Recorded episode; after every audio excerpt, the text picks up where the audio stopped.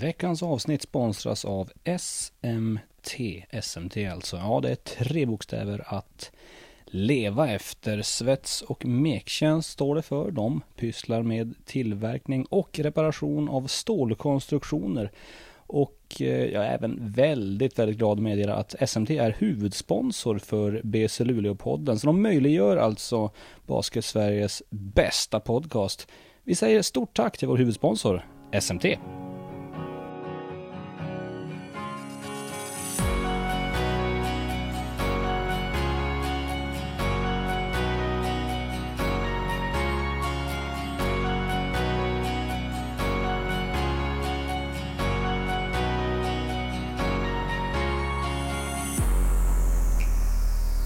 Hallå där basketvänner och varmt välkomna till ett nytt avsnitt av BC Luleå-podden med mig Max Wik och inte David Keso Nilsson som har undvikit mig i fem raka timmar nu här. Jag började smsa honom tio på morgonen och han läste smset och så fortsatte den dansen så eh, tills jag då fick se på min kära sambos Snapchat-karta att han var i stan och bara, bara låtsades eh, var upptagen med någonting annat.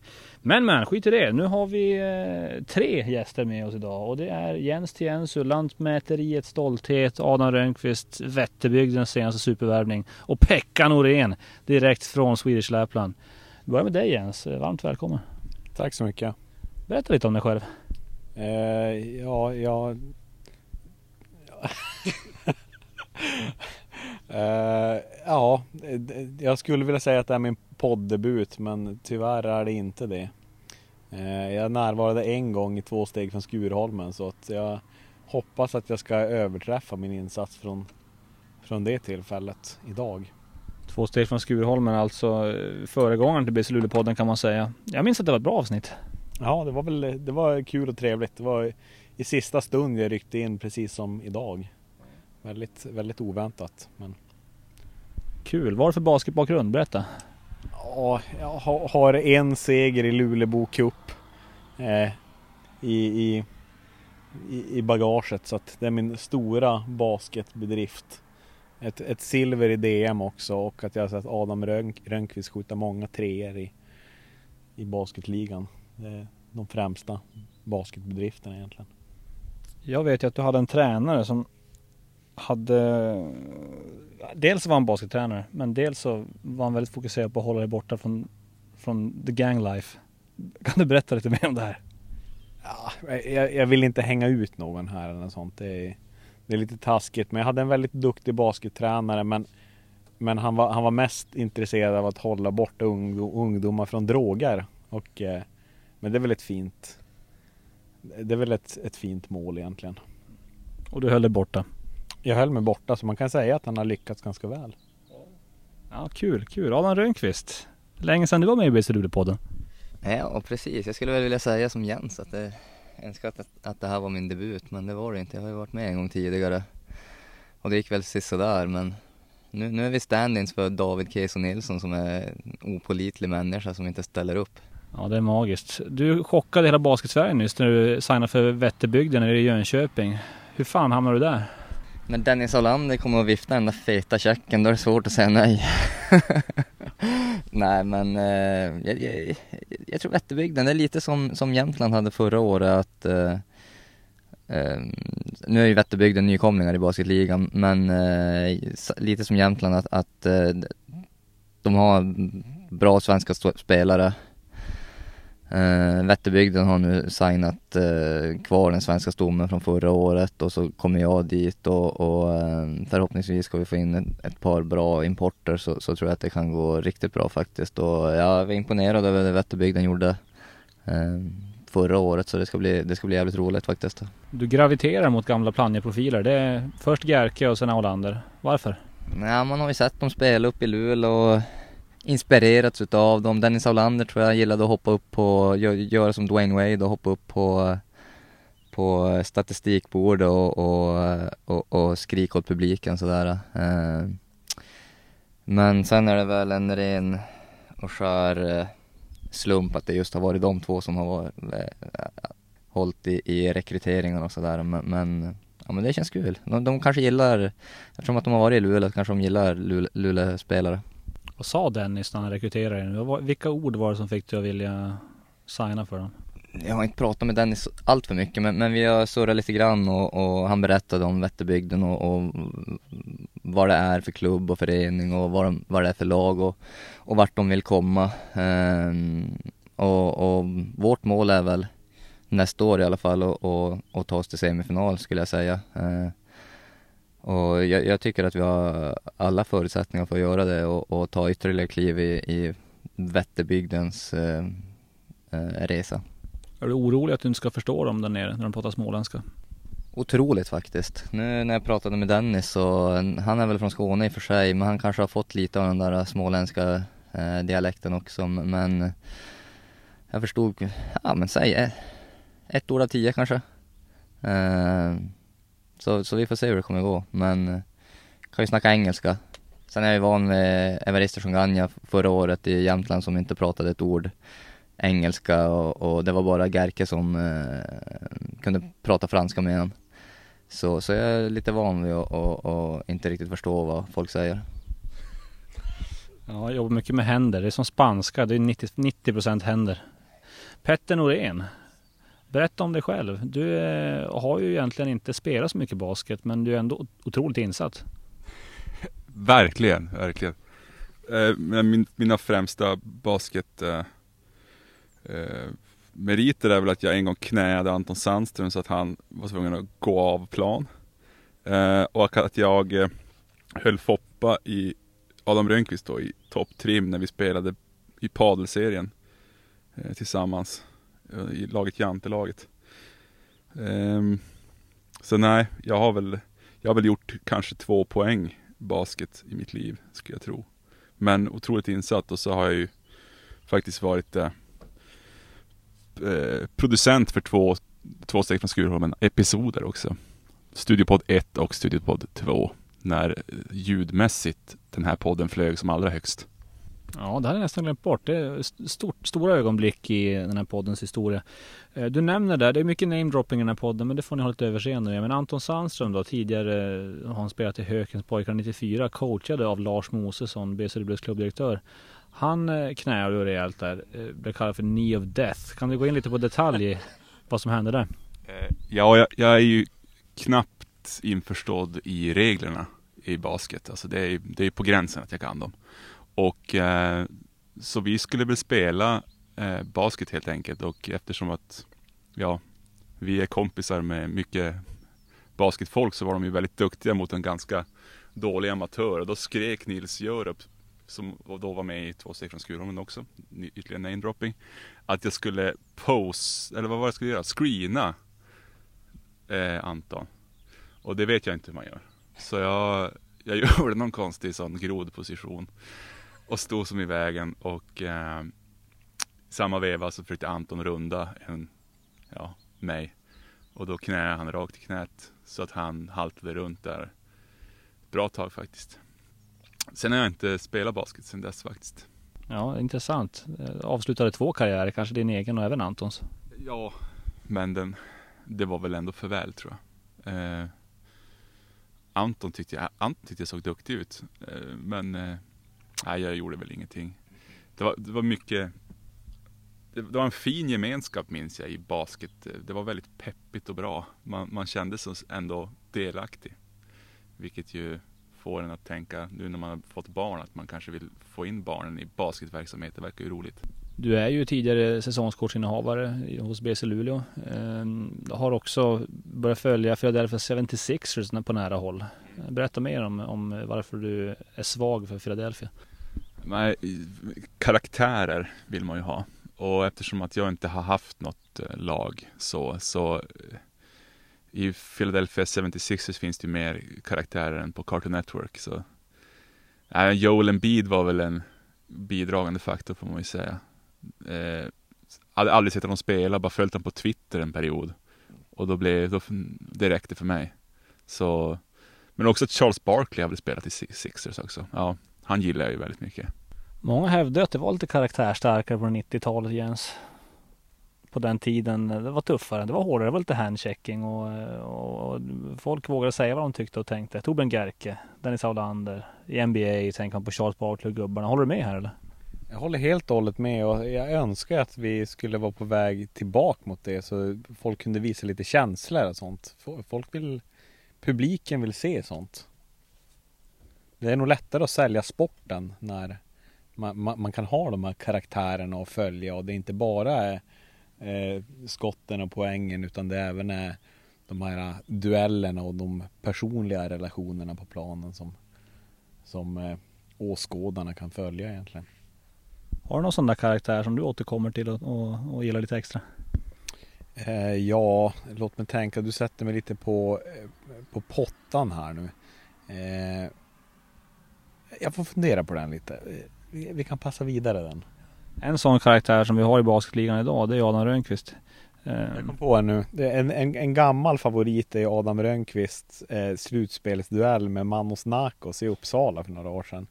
Eh, det, jag, som jag, jag har inte pratat själv med Adam om det, men jag fattar som att det, det, var en viss rivalitet, men ganska vänskapligt där ändå.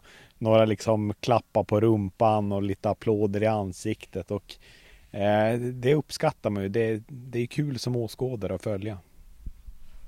Eh, ja, absolut, men eh, det var väl inte bara mot Manos, det var väl mot hela eh, Uppsala eh, Uppsala-publiken och, och, det blev ett jävla liv där när, när eh, jag gjorde poäng och började peka på de som skrek mest och domarna började säga åt mig att sådär får du inte göra och, och men jag vet inte, var, varför skulle man inte få hetsa mot publiken? Är det, är det ett regelbrott eller? Ehm, jag vet inte, men eh, Ja, men det, det, det, är, det är den roligaste slutspelsserien jag har spelat i alla fall. Ehm, det, mm, man skulle kunna säga att jag ägde Uppsala den serien. Ehm, och jag ägde Uppsala-publiken också och det var jävligt kul att och, och, och bråka lite med dem. Sen är jag inte en bråkstake i, som person riktigt. Jag är ganska lugn och norrländsk utav mig. Eh, men, men det är roligt när, när det tänder till lite grann och, och när man ändå kan visa att fan, vad fan är Uppsala liksom? Uh, och sen blev det ju, det, vi behöver inte nämna några namn och sånt här men det var ju spelarfruar som gick ut på Twitter och, och ja, vad, är, vad fan är Adam för en kille? Vem vill spela med honom? Och sådana där grejer. Men det, det togs ner ganska snabbt och, men eh, det, det, var en rolig serie och jag tror eh, jag tror eh, Luleå-publiken som var och hejade i Uppsala uppskattade eh, fighten. Men eh, en, en, karaktär i, i basketligan, det är ju Gemenbom. Han hade ju också några fighter med Uppsala, framförallt Gaddeforsbröderna. Eh, där det, där det vad, vad ska man säga, passfintades eh, med bollen i ansiktet på folk och, och, och eh, drogs i kläder och, och då var väl Gaddefors ja, Viktor framförallt, han var väl inte särskilt gammal tror jag. Han var väl kanske 18 eller 19. Eh, men eh, Jim, han, är, han, har ju, han har ju varit ändå en bråkstake skulle jag säga i, i ligan. Ja, det har vi många härliga minnen från Jims karriär. Bland annat när han stängde ner Derek Tarver. Eh, och även när, när han försökte avsluta Rudy Membas karriär. Jag vet inte om ni minns det. Han rev ner honom. Han skulle gå upp på dunk så kom Jimbo och sänkte honom allt vad han hade rakt, rakt ner i parkettgolvet. Kommer du ihåg det Jens? Nej, jag minns faktiskt inte det, men det låter som en, en, en väldigt eh, speciell situation. Jag avslutade ju Rudy Memmas karriär tyvärr. Det var ju när han kom, gjorde sin comeback-säsong i Södertälje och eh, eh jag tror jag råkade knäa vi gick ihop knä mot knä och, och han föll ner och, och, så jag såg inte riktigt vem det var jag gjorde det med och så vände jag mig om och så ser jag att det är uh, Rudy och det, det kändes inte bra uh, med hans historik och varit skadad och ändå försöker göra en comeback och så han, jag tror han blev åt, borta åtta veckor eller kanske längre till och med uh, och, och det var väl sista säsongen han gjorde i basketligan. Ja, det var inte alls kul. Men du, du påstår nu alltså det var inte medvetet säger du?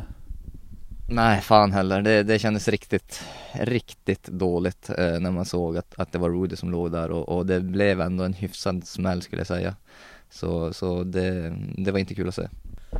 Och jag tänkte vi ska göra så här att vi har kommit nu till vårt nya segment som vi bara har haft en gång och det var förra podden som jag släppte för två veckor sedan ungefär och det är då saker som inte hänt. Innan jag förklarar vad det är så ska vi ta och trycka på knappen för introt som, som går igång eh, nu.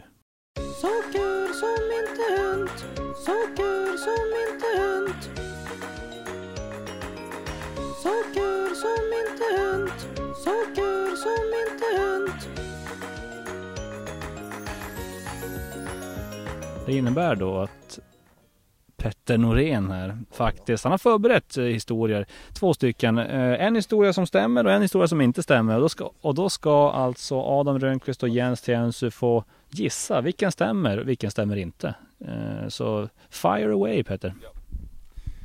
Det blir tyvärr inga basketrelaterade då eftersom ja, jag har ju redogjort för hela min karriär inom basketen. Men det blir då två musikanekdoter. En är sann och en är inte sann. Eh, den första Det är att eh, Bob Dylan spelade i Luleå, jag vet inte när det var, var det 90-tal eller? Han eh, spelade hur som helst på någon festival i Luleå. Och landar i Luleå för stort pressuppbåd. Åker och spelar sin konsert, men efter konserten så vill han ju liksom tagga ner. Så han eh, tänker att han ska gå ut på någon pub eller någonting, men han inser ju snabbt att det, i en sån här liten stad så kan ju inte Bob Dylan bara glida obemärkt förbi. Så NSDs fotograf, Göran Ström, eller är det Göran Ström är det nog. Som eh, eh, erbjuder honom att komma och basta med honom. I morsans stuga. Eh, så sagt och gjort. Bob Dylan hoppar in i bilen med Göran Ström, åker ut och bastar. De har det jävligt trevligt och sitter och snackar på. Uppenbarligen så är eh, Bob eh, väldigt, eh, väldigt eh, glad i Göran. Så nästa gång, eh, vad heter det, Bob Dylan kommer tillbaka till Sverige för spelning. När han står i hissen på väg upp och ska gå in i sin loge där han har sin rider. Så säger han bara Bring me Göran Ström. Så det är den, det är den första. Ska de gissa nu eller gissar de sen? Okej. Den andra är eh, en, att min, min, min, min gamle far var på sommarfest i Umeå hos sin kompis Olof. Eh, de är på en, på en, eh, någon typ av 40-årsfest. Det står något sånt här, vet, coverband och spelar lite låtar. Eh, det görs inte så jävla bra. Det är mycket sådana här äh, klassiska bitar men nivån är inte sådär klockren. Så när Stairway to Heaven kommer upp och det blir jävligt eh, Känns jävligt skakigt. Killen som sjunger är lite sådär Hänger som inte riktigt med. Då ställer sig en av personerna upp Går upp, äh, en person i publiken, går upp på scen Frågar sångaren, kan jag få ta den här? Och så sjunger han Stairway to Heaven. Sen när han går ner igen så är folk helt golvade för det var Robert Plant från Led Zeppelin. Som gick upp och sjöng. Det är de två. Intressant. Jag är ju någon form av programledare så jag ska inte ge mig in på att gissa här. Men vi börjar med dig Jens. Du får ge, motivera vilken du tror är sann och vilken du tror är fake och varför. Eh, ja, jag tror ju att eh, Bob Dylan-historien tyvärr är falsk. Eh, mycket för att Bob Dylans förhållande till sanningen eh, verkar medvetet väldigt luddig. Han tycker om att, att det ska finnas myter och ibland tycker han inte om det. Och, eh, ibland ljuger han uppenbart bara för att ljuga. Eh, och samma tror jag händer med folk runt om honom egentligen. Så att jag litar inte ett dugg på någon story om Bob Dylan egentligen. Eh, men då, då får jag välja att tro på Robert Plant-historien för den låter väldigt fantastisk. Det låter som en underbar upplevelse. Ja, då har vi Jens take. Då får Adam här och motivera hur han tänker. Eh, jag skulle gissa på att uh, Jörgen-historien är sann. Bob Dylan. Eh, jag tycker Jörgen verkar som en jävla skön dude och jag går på det. Då får Petter ge oss facit här helt enkelt. Ja, det, det är Robert Plant. Historien är sann. Robert Plants eh, fru är väl från Umeå. Och det är därför de var där. Eh, och kände de här, det här paret sedan barnsben. Så det var därför Robert Plant satt i publiken när Stairway to Heaven kom. Och han sa, kan jag ta den här? så den är helt sann. Har jag flera oberoende källor på faktiskt. Så att det var inte bara min farsa som... Ja, den är grym. Det är som när Luis Figo började spela med de här i Västerås. Eh, när han bara kom ner och, och så här... We need an, alltså det var såhär Uncle Drew historia av det hela. Bara, We need another player! Och så bara... Så, så säger någon bara, jag kan spela. Så går Luis Figo in och spelar någon fem mot fem. På den här tiden Luis Figo var bäst i världen. Men eh, den, den där med Bob Dylan, den, den har jag fått återberättat för mig som att den är sann. Men den kan inte vara sann. Så jag vill säga att den inte är sann. Men nu börjar jag undra Max om det inte är, det är inte Göran Ström, det är den andra fotografen. Vad hette han? Eh, ja, vad hette han på, på inte Bengt-Åke utan Kurt. Kanske var Kurt Engström det var istället. Ja, hur som helst. Så nej, den, den sägs ju vara sann och att eh, det ska finnas bildbevis, men jag har inte sett något. Så ja, nej, jag vill inte tro på den heller. Men Robert Plant-grejen ska vara sann. Jag trodde faktiskt, om jag nu ska få sticka in och säga det, att Göran Ström-storyn skulle vara den som var sann. För jag har ju också såklart fått den berättad till mig eftersom vi har jobbat på samma ställe tidigare. Men eh, det ligger nog någonting i att den tror den inte stämmer överhuvudtaget. Däremot så har... Också mycket på grund av källan, tror jag. Alltså att det, det, det känns så fruktansvärt långt bort, faktiskt. Väldigt, väldigt långt bort. Så nej, nej, jag köper inte den. Nej, det må vara hänt att den inte stämmer. Uh, hörni, ni, eh, två av oss här inne åtminstone borde, borde ha bra koll på basketligan.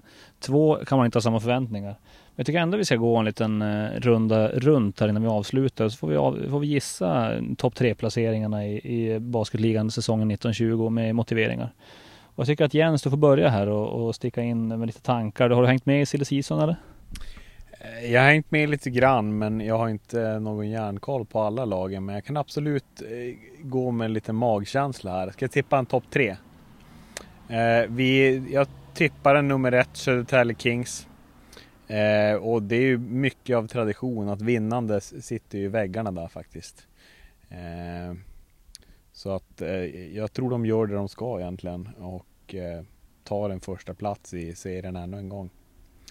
Eh, en andra plats tror jag på BC Luleå faktiskt. Det gick inte riktigt hela, det gick inte riktigt som man ville förra året eh, trots många bra spelare och liknande. Men jag tror att det kan bli lite av en, en bounce back säsong och bara man kan få, få in ett lag som fungerar väl för att fungera, spela Peter Ökvists spel så tror jag mycket väl att man kan ha en väldigt framgångsrik säsong. Eh, och eh, som en uppstickare här får jag tippa Vätterbygden Basket på en tredje plats. Eh, Adam Rönnqvist kommer skjuta många trepoängare och med ett par bra amerikaner så blir det nog ett, ett, ett framgångsrecept. Ja, det är väl, låter mycket rimligt här det du framför här Jens. Så Adam, vi bollar över till dig då. Eh, Tredjeplats, är det rimligt? Eh, absolut, det, det tycker jag. Ehm, jag har Vätterbygden också topp tre.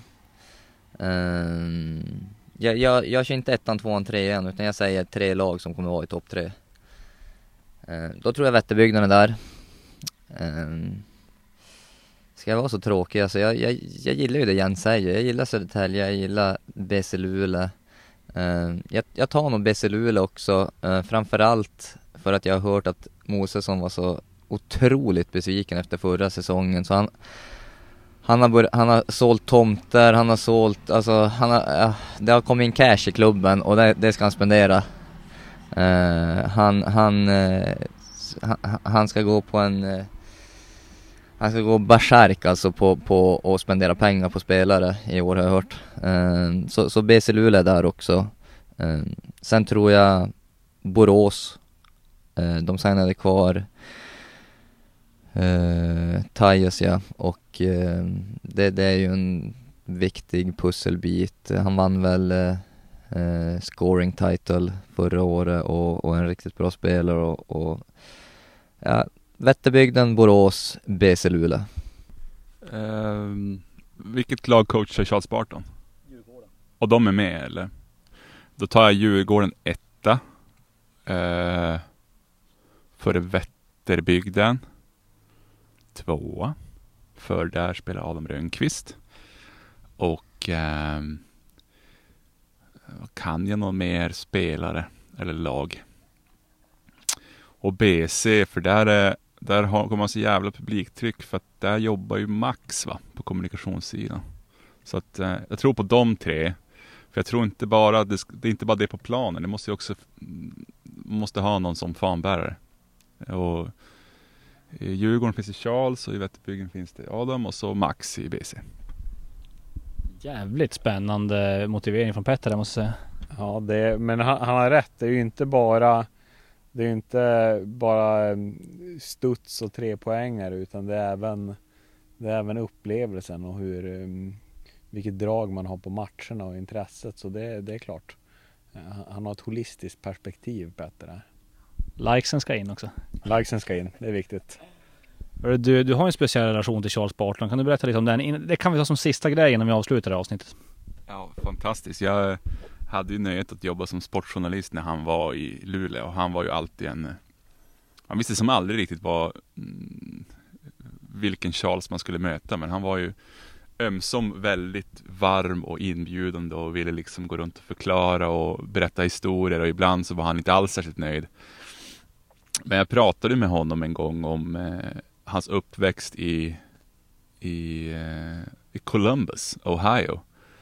Och under den tiden som det var kanske som mest prat om, om eh, högerextrema krafter. Och Charles var ju väldigt oroad. Han har ju sett hemskt mycket saker i sin basketkarriär.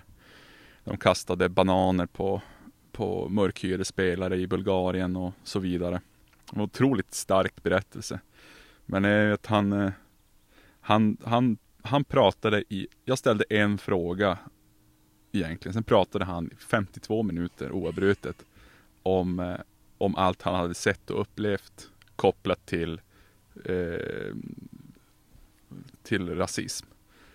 Och det var, det var helt otroligt. Det är de- de 52 bästa minuterna av min yrkeskarriär skulle jag säga. Han myntade bland annat det, det, eh, ett fantastiskt uttryck som jag fortfarande eh, återanvänder ofta som är Iran är ju jättevackert. Men vi får inte åka dit! Och det var, det har han rätt i. Otroligt bra sagt. Hörrni, det här har varit en kort och specialvariant av BSUD-podden. Jag tackar så hemskt mycket för att ni valde att uh, vara med i det här avsnittet. Hörni. Ni hade inget val. Uh, vi säger också stort tack till vår huvudsponsor SMT och vi säger på återhörande.